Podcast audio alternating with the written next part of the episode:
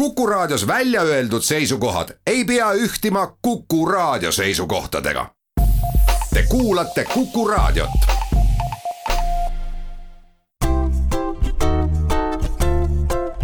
patsiendiminutid, Patsiendiminutid toob teieni Eesti Patsientide Liit tere, head Kuku kuulajad!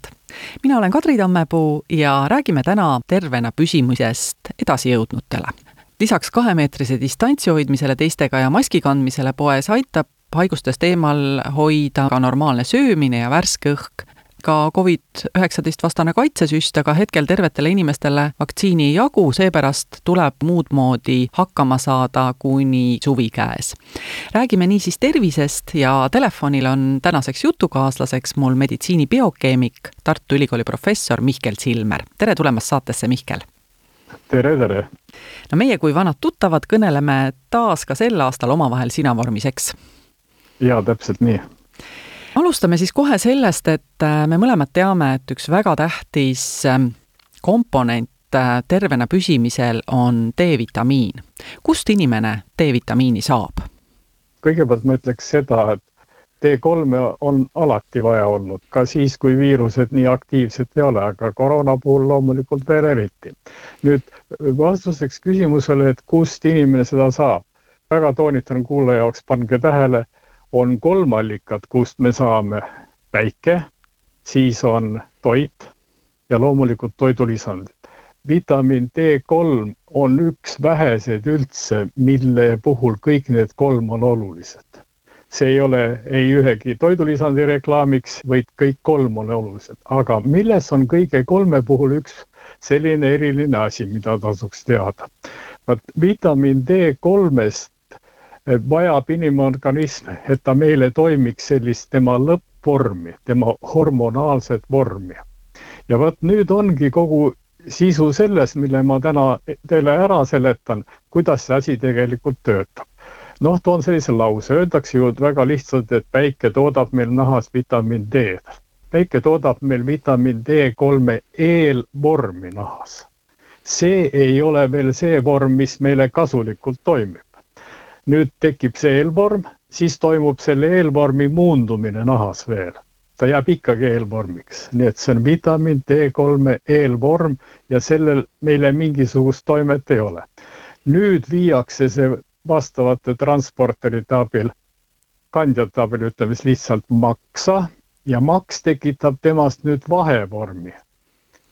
noh, ma võin ka mõned nimed öelda, aga võib-olla raadios ei olegi nii keerulist vaja, aga maksast tekib siis kaltsifiool. nüüd head kuulajad, see ei ole ka veel see lõppvorm ja maksast viiakse nüüd see vahevorm neeru ja neerudes tekitatakse see meile vajalik lõppvorm ehk kaltsitriool, see hormonaalse toimega ühend, mida meie organism väga vajab. nüüd, kui te kuulasite juttu, siis te saite väga hästi aru. päike on küll õudselt vajalik meile selles mõttes, muus mõttes ka, kuid tema tekitab alles selle eelvormi. nii et noh, tavapruugis öeldakse, et päike toodab meile nahas vitamiin D-d noh, pole nagu vale, aga te ei ava see reaalset sisu, sest tegelikult tuleb see viia maksa kaudu vahevormiks ja edasi saata neerudesse, kus tehakse lõppvorm. millist vitamiinivormi me toidust saame?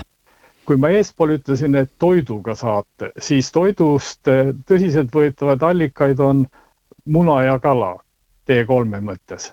nüüd pange kuulajad hästi tähele, ka sealt me saame seda eelvormi ka see tuleb maksas viia vahevormiks ja neerudes lõppvormiks. nii et me ei saa ka toiduga sellist valmist hormonaalset vormi. see ongi loogiline, sest me ei, me ei saa ju toiduga saada hormooni. kas on siis nii, et ka D-vitamiini toidulisandis on tegelikult eelvorm? kui võetakse toidulisandit, siis see toidulisand on kaltsiferool ja põhimõtteliselt ka see on eelvorm nii et ka toidulisand, olgu ta siis õlitilgad või õlikapslites, pange jälle tähele, see läheb maksas siis selleks vahevormiks ja edasi viiakse neerudesse, kus tekib lõppvorm. vaat sellepärast ma tulen nüüd jutu alguse juurde tagasi. kõik need kolm tegijat, päike, toit ja vitamiin D3 toidulisandid on tegelikult vajalikud selleks, et garanteerida, et meil kõigil võiks tekkida piisavalt seda lõppvormi. seetõttu veel kord ilma kusagil üle pingutamata maailmas mitte keegi ei räägi D-vitamiinist, D3-st kui mingisuguse reklaami mõttes, vaid küsimus on selge. teda on vajalik juurde manustada. miks? sest vaadake me peame garanteerima selle, et võimalikult kõikidel inimestel tekiks piisavalt seda lõppvormi. tihti arvatakse, et neis riikides, kus päike rohkem paistab, on D-vitamiini vaja vähem võtta, on siis nii? vot inimeste loogiline mõtlemine nagu õige, et vaat seal Itaalias, Hispaanias eakad inimesed tekkis probleem, eks ole, Covidi puhul ja seal on üldse ka viirushaiguste puhul olnud selliseid lainetusi aga pange nüüd head kuulajad tähele. maksas selle vahevormi tekkeks on vaja rauda sisaldavaid ensüüme. nii et kui inimesel on aneemia, siis on tema šansid, et tal seda maksa vahevormi tekib vähem. nüüd edasi, lõppvormi tekkeneerus vajab ka rauda sisaldavaid ensüüme, nii et kui on aneemia, siis on ka lõppvormi teke sellel inimesel viletsam ja kui ma nüüd panen informatsiooni kokku, siis milles on küsimus? jah, päikese käes võib olla, nahas tekib seda eelvormi sel juhul päris hästi, kuid kui on tegemist aneemiaga ja neid aneemikuid on vanade inimeste hulgas päris palju, siis ikkagi ei pruugi antud inimesel tekkida piisavalt seda lõppvormi ehk vaadake, see ahel ei tööta elegantselt. nüüd veel üks selline märkus päikese puhul on ka asi milles, on vaja olla vähemalt kolmkümmend minutit päikese käes ja viiskümmend protsenti peab olema kehapinnast katmata. vot see ka alati iga päev ei toimi, nii et ma võtan nüüd oma jutu kokku. vaadake, see ei ole niimoodi, et päikesest piisab, toidulisandid ei ole vaja, toidust piisab, kõik need kolm peaksid tegutsema. Aga kui me tuleme nüüd ähm, selle juurde, mis vanaeda inimeste puhul veel väga sageli esineb, on äh, ravimite kasutamine. et kuidas äh, ravimite kasutamine, ravimid lagundatakse ju ka maksas, kuidas nüüd see maksa mõjutab äh, selles, et D-vitamiini aktiivset vormi toota? Jah, vot see on jälle väga vajalik asi, sest kui ma üliõpilastele räägin D-vitamiinist eh, söömise biokeemia raames, siis ma alati toon välja ka selle maksa teise momendi, mida sa juba, Kadri, mainisid kenasti.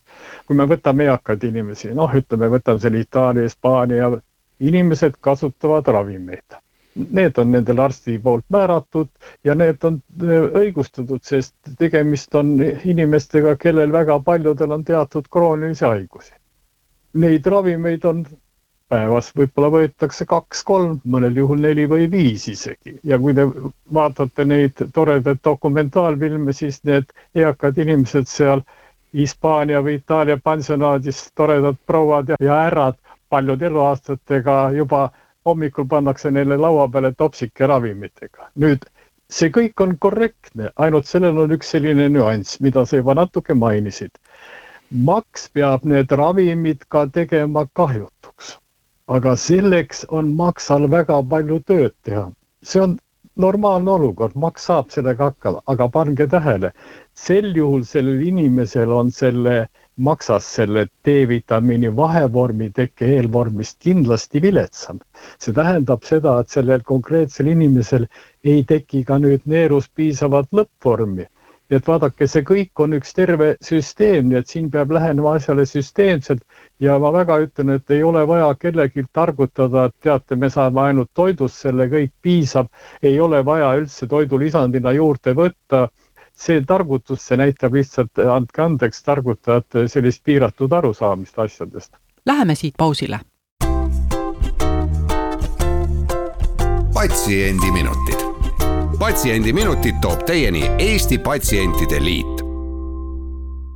stuudios on professor Mihkel Silmer ja Kadri Tammepuu. saate esimeses pooles rääkisime me, miks D-vitamiini kohusetundlik võtmine ei pruugigi tulemust tuua, kui samal ajal on inimesel rauapuudus. kuidas tavaline inimene võiks kahtlustada endale, et kas temal on ikka rauda piisavalt, no ilmselt kui ta väga palju viina joob, siis vist ka on tervis veidi kehv ma jätaks viina kõrvale, viinast võime eraldi teemana rääkida kunagi, aga milles on kogu aeg küsimus? inimesed mis tahes põhjusel lähevad perearsti juurde või perearst teeb pereanalüüsi, seal on kindlasti sees selline näitaja automaatselt, see kuulub sellesse paketti, mille näitaja on hemoglobiini näitaja. Ja teile perearst ütleb väga selgesti, et kuulge, et teil on hemoglobiini tase madal või isegi alla normi see on nüüd juba esimene vihje sellele, et võib olla tegelikult probleeme rauaga. noh, tavaliselt siis määratakse ka selline ühend nagu ferritiin, mis on rauavaru näitaja ja kui ferritiin on ka väga madal, siis perearst ja tark arst kindlasti, Eestis on kõik arstid targad, määravad teile siis ka sellise kuuri, kus tuleks alustada väga hästi kättesaadava rauatoodetega, noh, verivorst, punane liha aga ka hematogeen, verikäkid, nii edasi ja mõningatel olukordadel ka teatud rauapreparaadid. ma veel kord toonitan seda, et siin ei tasu nüüd muutuda nii-öelda paaniliseks ja, ja mõelda, et äkki on aneemia. parem on mõelda natuke teistmoodi. kui teil on tõesti see aneemia leitud, siis on teil risk seda, et teil seda lõppvormi ei pruugi tekkida, pange tähele rõhutust, piisavalt.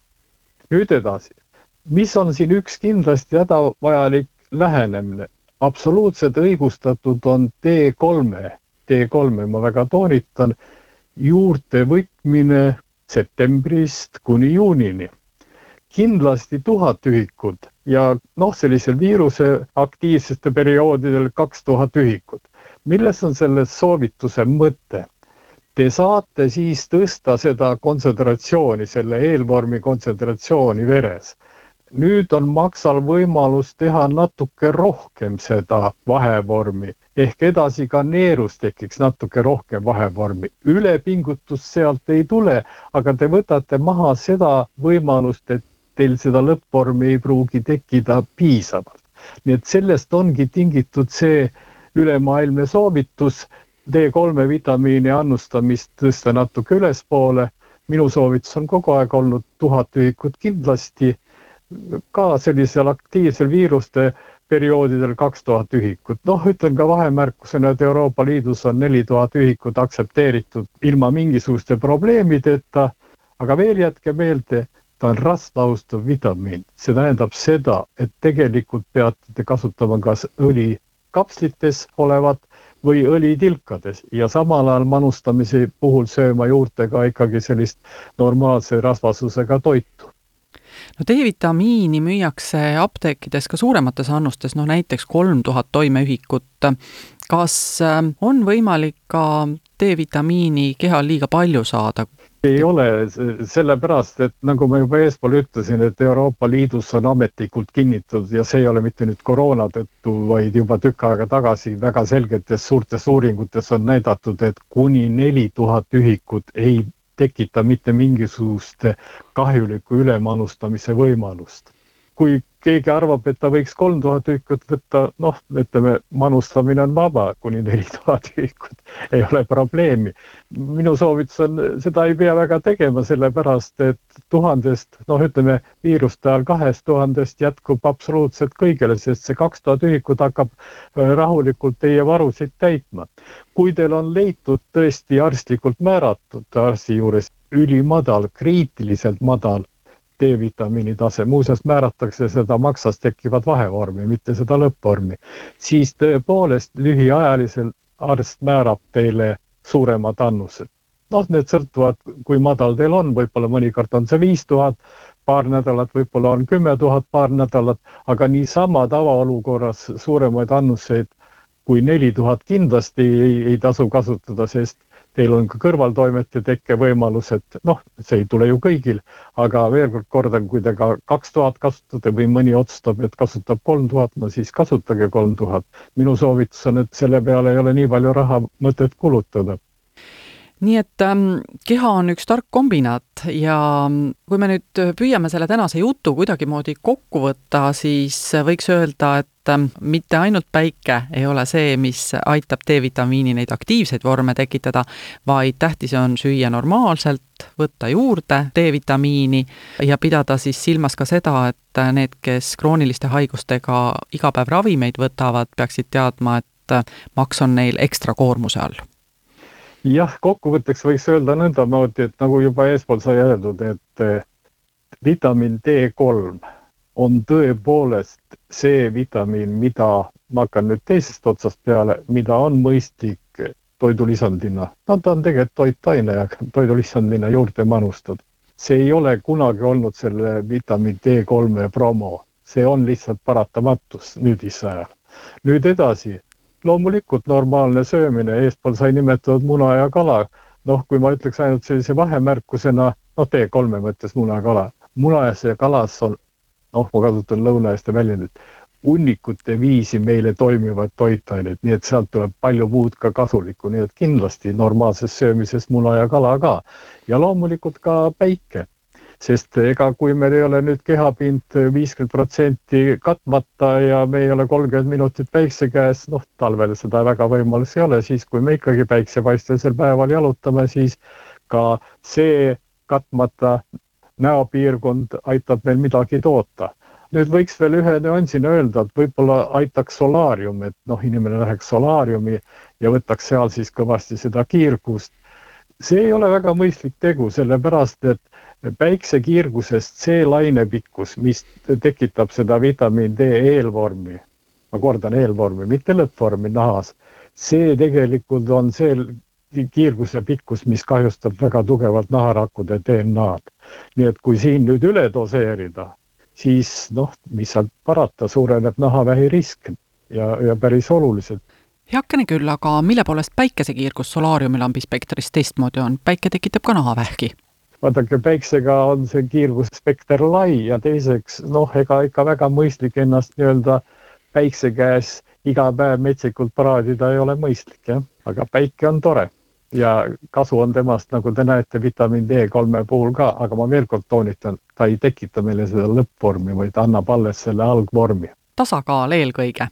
aga suur aitäh, Mihkel, et sul täna oli võimalik natukene rääkida rohkem ja põhjalikumalt sellest, kuidas D-vitamiin kehas muutub aktiivseks vormiks, mis äh, siis juba ainevahetusprotsessides aitab terve püsida jah, aitäh ka minu poolt ja ma leian, et see oli nagu natuke lahti seletamine kuidas see asi reaalselt on, sest muidu tekib tõesti selline, et võtame kapsi ja saamegi kohe seda lõppvormi, ei saa, see tuleb ikkagi lõpp, lõppvormiks viia. päikesega samamoodi tekib eelvorm, mis tuleb viia lõppvormiks. suur tänu! meie külaline oli Tartu Ülikooli biokeemia professor Mihkel Silmer ja täname ka kõiki kuulajaid. küsimusi küsis Kadri Tammepuu, kuulmiseni taas nädala pärast ja seniks olgem terved! patsiendiminutid patsiendiminutid toob teieni Eesti Patsientide Liit